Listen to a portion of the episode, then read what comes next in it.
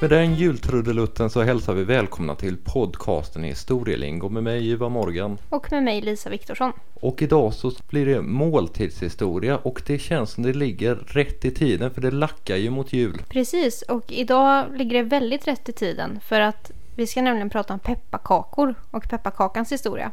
Och idag är det den 9 december när det här avsnittet kommer ut. Och Absolut. det är självaste pepparkakans dag som har firats sedan 1996. Instiftat utav Annas pepparkakor i Tyresö. Ja, klassiska pepparkakor. Men vi kör väl igång.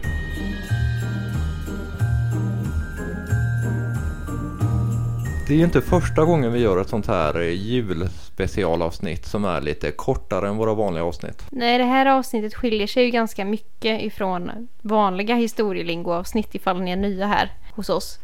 Och eh, förra julen så gjorde vi ju fyra stycken sådana här julspecialare. I, I år har vi skärt ner på det lite grann, men förra året gjorde vi om jultomten, om luciafirandet i Sverige, vi gjorde om julmust och om julbocken.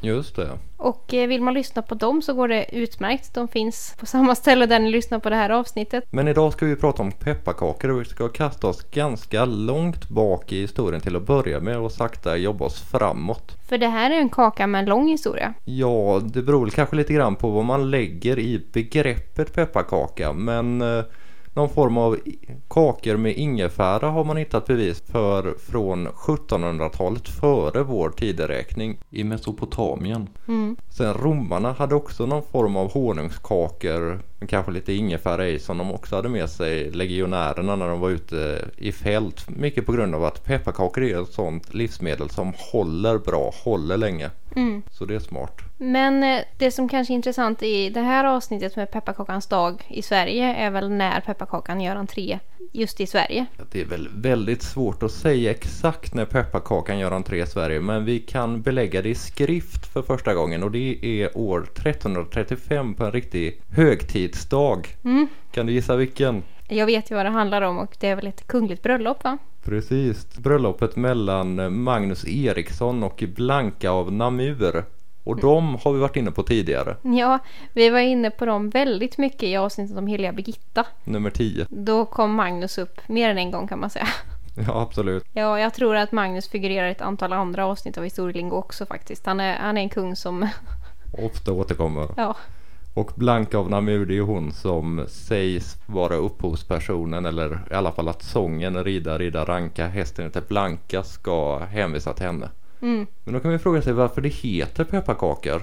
Och här finns ju en mängd olika teorier. mm, där de tvistade lärde. En teori är ju helt enkelt att man hade peppar i kakorna under medeltiden och det hade man också. Mm. En annan teori är att eh, alla kryddor kallades för peppar på medeltiden som någon slags eh, allmännamn för krydda. Samlingsbegrepp. Och vi får väl säga att kryddor var kanske inte något som gemene man hade tillgång till under medeltiden. Nej, Så pepparkakor var ju ganska exklusivt. ja verkligen. Det här var ju ingenting som, så att säga, citationstecken vanligt folk kunde få i sig. Liksom. Det, det var ju till att börja med i städer där man hade, alltså handelsstäder, där man fick liksom importvaror. Mm. För att det här är ingenting som odlas i Sverige. Nej absolut inte. Och, eh, Det krävdes nästan en Hansa för att eh, få tag i de där Ja. kryddorna. och det var ju för eliten som det här var tänkt. Under 1400-talet så finns det i alla fall eh, recept bevarade till exempel från Vadstena kloster och där hade de peppar i kakorna. Så vilken teori som stämmer det kan vi nog aldrig veta. Men det sades ju att pepparkakorna var bra för matsmältningen. Ungefär som digestivekex marknadsför idag eller digestive som de heter i anglosaxiska länder. Och eh, det var ofta så som eh, de såldes också från klostren. Det var nunnor som bakade de här kakorna och sålde dem som någon form av eh, läkemedel.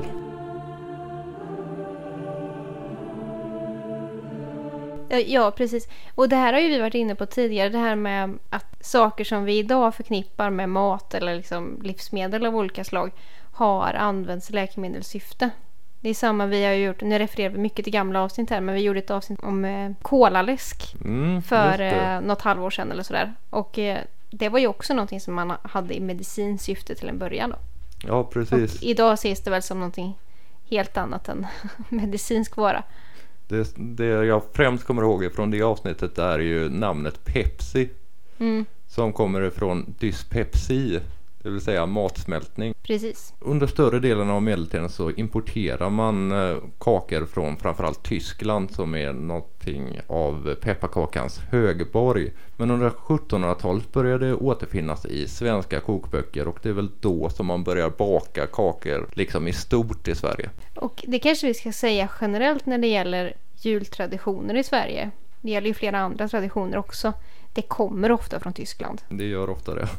Eh, Julgranen är ju också liksom tysk import. 1755 är en av de första gångerna som det dyker upp i en receptbok i Sverige. Mhm. Och det är av Kajsa Warg. Ja, självklart. Denna Kajsa Warg. Ja, Ständigt hennes, återkommande när man gör måltidshistoria. I hennes hjälpreda för unga fruntimmer. Mm. Eller Kajsa Wargs kokbok som den kanske oftast kallas numera. Avsnitt 71 för den som är intresserad av Ja. att lära sig mer av Kajsa Warg. Så, som av en händelse har vi gjort en biografi om henne också. Men i Kajsa Wargs kokbok så pepparkakorna skiljer sig lite grann från det som vi kanske är vana vid idag. Mhm. Och framförallt så har man inte, idag är ju pepparkakor väldigt förknippat, man har ju sirap. Mycket, mycket sirap, pepparkakor. Ja, det är gott. Men ehm, då hade hon använde istället honung som hon kokade eh, och skummade och hade sig. Ja, Och- just det. Även under medeltiden så hade man honung. Mm. Så det är väl någon slags gamla anor som syns i hennes recept också. Och ehm, som du var inne på under medeltiden så hade även Kajsa Warg peppar då i sin pepparkaka. Mm. Och ehm, vad jag förstår av receptet så är det heller inte liksom de här figurerna som vi är vana vid idag utan man liksom skar i bitar på något sätt. Man, Ja, sådär. Så att eh, då såg hon lite annorlunda ut. Men eh, man kan ju fråga sig då, det här är ju lite julspecialavsnitt och då kan man ju undra varför pepparkakan har blivit så förknippad med julen. För att du sa tidigare att man åt det på bröllop Mm. och det var ju liksom konfekt eller liksom ja, fika eller vad man ska säga Ja, för precis. en aristokrati eh, under medeltiden. Och det var ju som vi var inne på, det hade ju med att det var väldigt dyra råvaror i de här kakorna. Men efter att Kajsa Warg har skrivit sin kokbok och liksom under slutet av 1700-talet och under 1800-talet och första halvan av 1900-talet så blir ju pepparkakan till att börja med väldigt förknippad med just julen. Även om man liksom fortsatt äter kakan året runt. Jag menar, det gör vi ju fortfarande. Alltså pepparkakor kan man köpa och äta året runt om man vill. Mm. Men eh, det är ju under 1800-talet som det här blir en stor grej hos allmogen. Mm. Och att det blir till just jul som det blir så förknippat, det är inte speciellt konstigt. Nej, vad beror det på då? Under 1800-talet så börjar man få mer och mer tillgång till livsmedel som du kan baka finare liksom bakverk av. Mm. Man börjar lämna det här liksom grova rågbrödsträsket och börjar få lite finare. Och det handlar ju om ja, revolution i jordbruket, att man får mer och mer tillgång till vete till exempel. Mm. Och det blir billigare för gemene man att köpa. Och just till jul så gjorde man storbak, det gör man ju fortfarande. Eller många i alla fall. Ja, ja, de flesta. Och eh, un- under 1800-talet så gör man väldigt mycket sådana här storbak till jul. Och pepparkakan är en kaka som, dels som du var inne på, håller väldigt länge. Mm. Så det är ju smart att baka den för att den blir liksom inte torr och tråkig och dålig utan den klarar sig ju liksom. Ja, den klarar sig, nej inte i evigheter, men länge i Ja, alla fall. nästan, nästan till. Och eh, dessutom så var det en populär kaka. Den var ju god. Mm. Och, och det gäller väl ganska mycket mat som vi äter kring jul är ju mat som tidigare har varit väldigt året runt baserad. Sill till exempel är någonting som vi idag främst äter vid högtider kanske. Inte jättemånga äter sillburk till vardags. Finns folk som gör det också men, men under 1800-talet så var det en basvara. Ja, absolut. Så det, det gäller ganska mycket som vi äter som idag är förknippat med jul. Och det är väl kanske också det nostalgiska skimret att det är någon det finns en tradition. Ja. Men det kanske inte är någonting som idag är trendigt att äta året runt. Nej. Så att just att pepparkakan blev trendigt till jul, storbaken får vi nog tacka för det ganska mycket. Mm. Och jag fick bara en minnesbild av ett exempel i Raskens. Ja, Vilhelm Moberg-boken. Ja, och framförallt så tänker jag på i eh, serien Just det. så finns det ju ett avsnitt där Ida gör storbaket inför jul. Mm, Jag vågar inte svära på att hon bakar pepparkakor men hon bakar väldigt, väldigt mycket i alla fall. just det. Och under 1900-talet så blir den mer och mer populär. Mm. Och eh, den var väldigt trendig i mitten på 1900-talet. Ja, strax okej. efter andra världskriget. Ja, okej. Och så var det också så här kändisar som bakade pepparkakor i, eh, i tidningar och sådär. Ja, det finns ju bilder på Hagasesserna och kungen som eh, bakar pepparkakor. Ja, det finns fantastiska bilder på en väldigt liten Carl Gustav som springer runt och bakar pepparkakor. Det påminner mig om vårt korvavsnitt. Jag har glömt numret på den. Men där pratar vi också om den lilla kungen. På att där äter han varmkorv på ett barnkalas. Ja, nummer 53. Ja. Det, var, det är väldigt, jag tror aldrig vi har droppat så här många gamla avsnitt i ett avsnitt. Men det, det, det är lite speciellt. Det är specialavsnitt och det är julavsnitt och sådär. Som jag sa så var under 1800-talet så var det någonting som allmogen började baka mer och mer i hemmet. Men Mm. pepparkakan har också alltid varit någonting som man i högre samhällskretsar har ätit. Och det har ju varit något som har bakats på finare bagerier och konditorier och sådär. Mm. Men under 1900-talet så blir det ju än mer industriellt och man börjar liksom massproducera pepparkakor. De här större burkarna som vi, som vi ser idag liksom. Just det.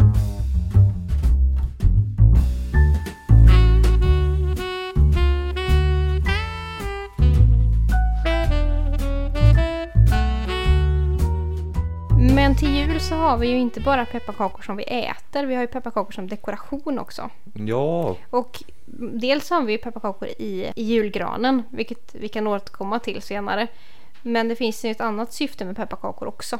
Ja, det är ju att göra små fina hus av dem. Eller kanske inte alltid så små som jag kommer in på om en liten stund. Men vi kan ju dra pepparkakshusets historia lite snabbt här. Och som vanligt så är det lite oklart när man börjar göra pepparkakshus. Det är ju ofta det med maträtter. Ja, Men det är någon gång tidigt 1800-tal i Tyskland såklart, pepparkakans högborg.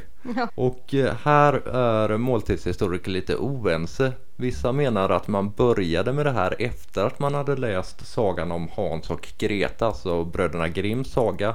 Och att bagare då slog mynt av det här som de hade läst i sagan eftersom Hans och Greta går till ett pepparkakshus. Medan vissa menar att pepparkakshuset redan fanns innan. Det är svårt att veta och eh, forskarna är oense. Men om man tänker att det är den första teorin, Mm. att eh, pepparkakshusen som dekoration är inspirerad av Hans och Greta, det är ju en ganska brutal tradition i så fall.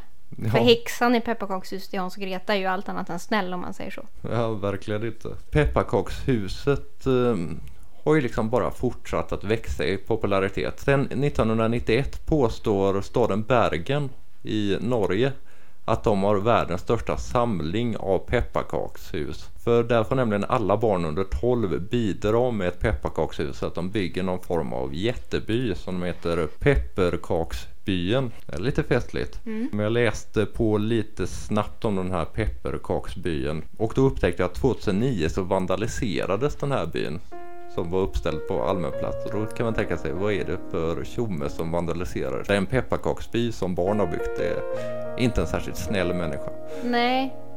Nej, pepparkakor ska ju ha en annan effekt. Man ska ju bli snälla pepparkakor, man ska inte förstöra pepparkakor.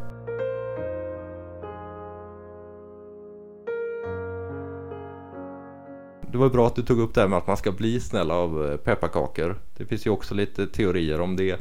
Till exempel så ordinerades unionskungen Hans eller Johan den andre som man kallar sig i Sverige pepparkakor av sin läkare för sitt dåliga humör. Så återigen där att pepparkakor var något medicinskt för.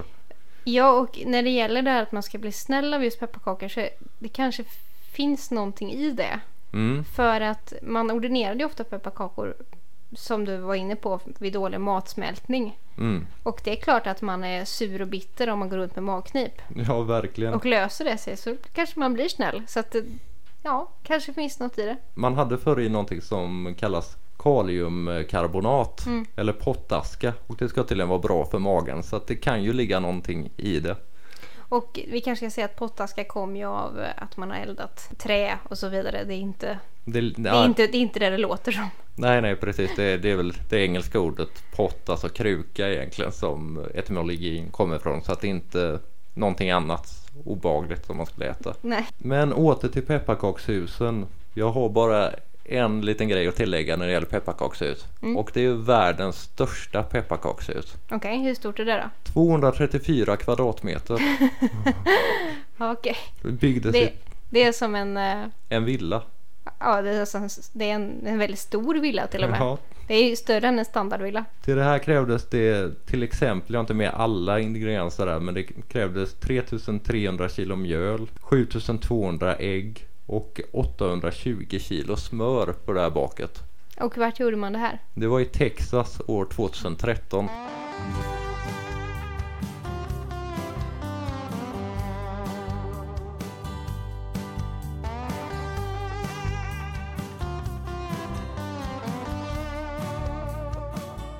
Men pepparkakan har ju också satt sina spår i populärkulturen. Ja, det, det såg vi ju redan då i Bröderna Grimms saga om Hans och Greta. Just det. Och eh, i diverse litterära verk så bakas det pepparkakor och äts pepparkakor. Och i barnfilmer, Pippi Mm. Långstrump till exempel, hon bakar ju pepparkakor på golvet. Just det. Och eh, sådana här apformade pepparkakor gör ju hon. Ja, ja, som ska vara som Herre Nilsson antar jag. Ja, det är nog tanken. Jag tänker på lite barnvisor som är väldigt förknippade med julen. Ja, Det mest klassiska är ju tre pepparkaksgubbar. ja, från pepparkakeland. Precis. Som eh, har korinter till ögon och hattarna på sned. Mm. Och eh, musiken är skriven av Alice Tegnér. Text Astrid Gullstrand. Och den publicerades 1913. Bland annat då i Sjung med oss mamma. Nummer 6 av Alice Tegnér. Ja, okej. Och det var ju de här häftena som Alice Tegnér gav ut på mer eller mindre löpande band. Som var små sånghäften. Sjung med oss mamma. Mm. Och i det här häfte nummer 6 så finns inte bara tre pepparkaksgubbar som är julvisa. Utan en till. Och det är nämligen julbocken. Eller En jul när mor var liten. Ja, just det. Och av en händelse så har vi pratat om den förut i avsnitt 37 när vi pratade om julbocken. Ja, det var ett av de där avsnitten vi droppade i början av avsnittet. Ja precis och jag tror till och med att du, du reciterar en bit ur En jul när mor var liten i det avsnittet. Ja, jag kommer inte ihåg jag längre. Så... Jo det, det gör du så att vill man lyssna på det så kan man lyssna på avsnitt 37. Och jag var ju inne på förut att pepparkakor också är en dekoration i julgranen. Mm, Jag tror många om man tänker sig en riktigt klassisk julgran, en Fanny Alexander julgran. mm. så liksom är det pepparkakor. Och det har ju även Alice Tegnér skrivit om för att i en annan visa, En sockerbagare, som hon själv har skrivit texten till till skillnad från Tre pepparkaksgubbar då. Så beskriver hon hur det står en julgran i ett skyltfönster och, eh, I den så finns det då pepparkakor. Precis. Om jag minns rätt. och i hans fönster hänga julgranssaker. Hästar, Ja, grisar och pepparkakor. Och är du snäller så kan du få, men är du stygger så får du gå. Och den kommer också från Sjung med oss mamma, men häfte nummer tre från 1895 om man vill leta upp det så kan man göra det. Jag tror man kan hitta texten på andra ställen också. Det tror jag. Jag tror att detta kan den. Jag tror inte det- också. Det är inte det svåraste kanske att memorera. Men när man gör den här typen av avsnitt om en matvara på det här sättet så finns det också en begränsning i hur mycket man kan prata. Ja, det brukar vara så. Så att jag vet inte hur mycket mer vi har att mjölka om just pepparkakor. Nej, de här eh, specialavsnitten eller vad jag ska säga, de eh, mathistoriska avsnitten brukar ju bli lite kortare så vi får väl avsluta här. Och skulle ni vilja komma i kontakt med oss så har vi en e-mailadress Historielingo.gmail.com och vi finns även på Instagram. och där heter vi Historielingo och ni får väldigt gärna komma med och följa oss där. Ja, Och nästa vecka så ska vi prata om någonting helt annat. Kanske lite seriösare. ja, För att återigen, om ni är nya här hos oss så är det här inte kanske ett speciellt typiskt historielingo-avsnitt. Det har varit lite mer hopp och lek idag. och det var ganska skönt faktiskt. Vi har haft ganska mycket mörk historia på sistone. Ja, att, eh, det har varit mycket tragik och elände under hösten faktiskt i avsnitten. Så det var kul med lite pepparkakor och Alice Tegnér och sådär. Men eh, ni får ha det så bra så hörs vi igen nästa gång. det gör vi. Ha det bra. Ha det bra. Hej! Hej.